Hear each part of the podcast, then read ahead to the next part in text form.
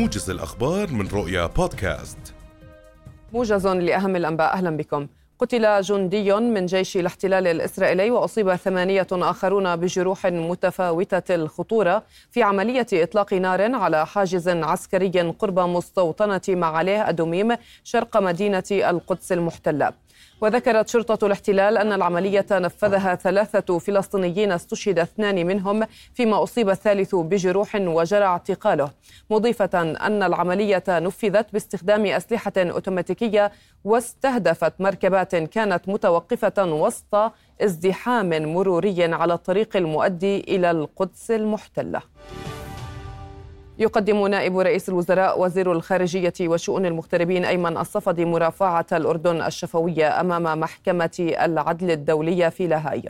وتأتي المرافعة بخصوص رأي استشاري طلبته الجمعية العامة للأمم المتحدة من المحكمة بشأن ممارسات الاحتلال ضد حقوق الإنسان والشعب الفلسطيني في الأراضي المحتلة بما فيها القدس الشرقية.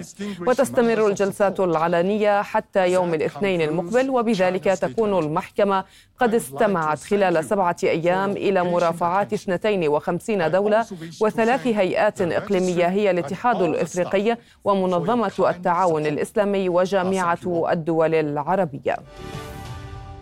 أعلنت القيادة العامة للقوات المسلحة الأردنية عن إنزال جوي لمساعدات طبية عاجلة للمرة الثانية عشرة على المستشفى الميداني الأردني غزة 77 وجاءت عملية الإنزال بالتعاون مع الجانب البريطاني وذلك لتعزيز إمكانيات المستشفى وزيادة قدرة الكوادر الطبية في تقديم خدمات صحية وعلاجية للتخفيف عن الأهل في قطاع غزة.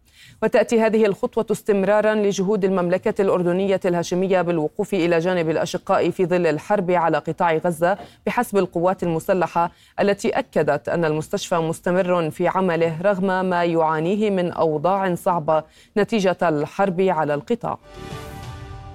قالت وزارة الصحة في قطاع غزة إن الاحتلال الإسرائيلي ارتكب تسع مجازر في القطاع راح ضحيتها 97 شهيدا و132 جريحا خلال الساعات الأربع والعشرين الماضية.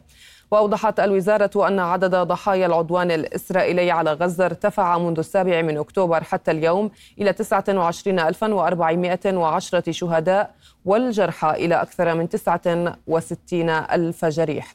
كما أكدت الوزارة أن آلاف الضحايا لا يزالون تحت الركام حيث يمنع الاحتلال وصول طواقم الإسعاف والدفاع المدني إليهم. نقلت شبكة سي أن أن عن دبلوماسي أمريكي مطلع قوله إن رئيس الوزراء الإسرائيلي بنيامين نتنياهو لا يبدو مستعدا للتوصل إلى أي اتفاق يوقف الحرب على قطاع غزة في الوقت الحالي. وأضاف المصدر أنه إذا شن الاحتلال الإسرائيلي هجوما على رفح عندها يمكن نسيان إمكانية إبرام صفقة بشأن المحتجزين في غزة. كما نقلت الشبكة الأمريكية عن مصادر وصفتها بالمطلعة أن كبار المسؤولين الأمريكيين يعتقدون أنه لا توجد فرصة من أجل موافقة الاحتلال على وقف دائم لإطلاق النار دون إطلاق سراح المحتجزين. وصلنا إلى ختام الموجز في أمان الله.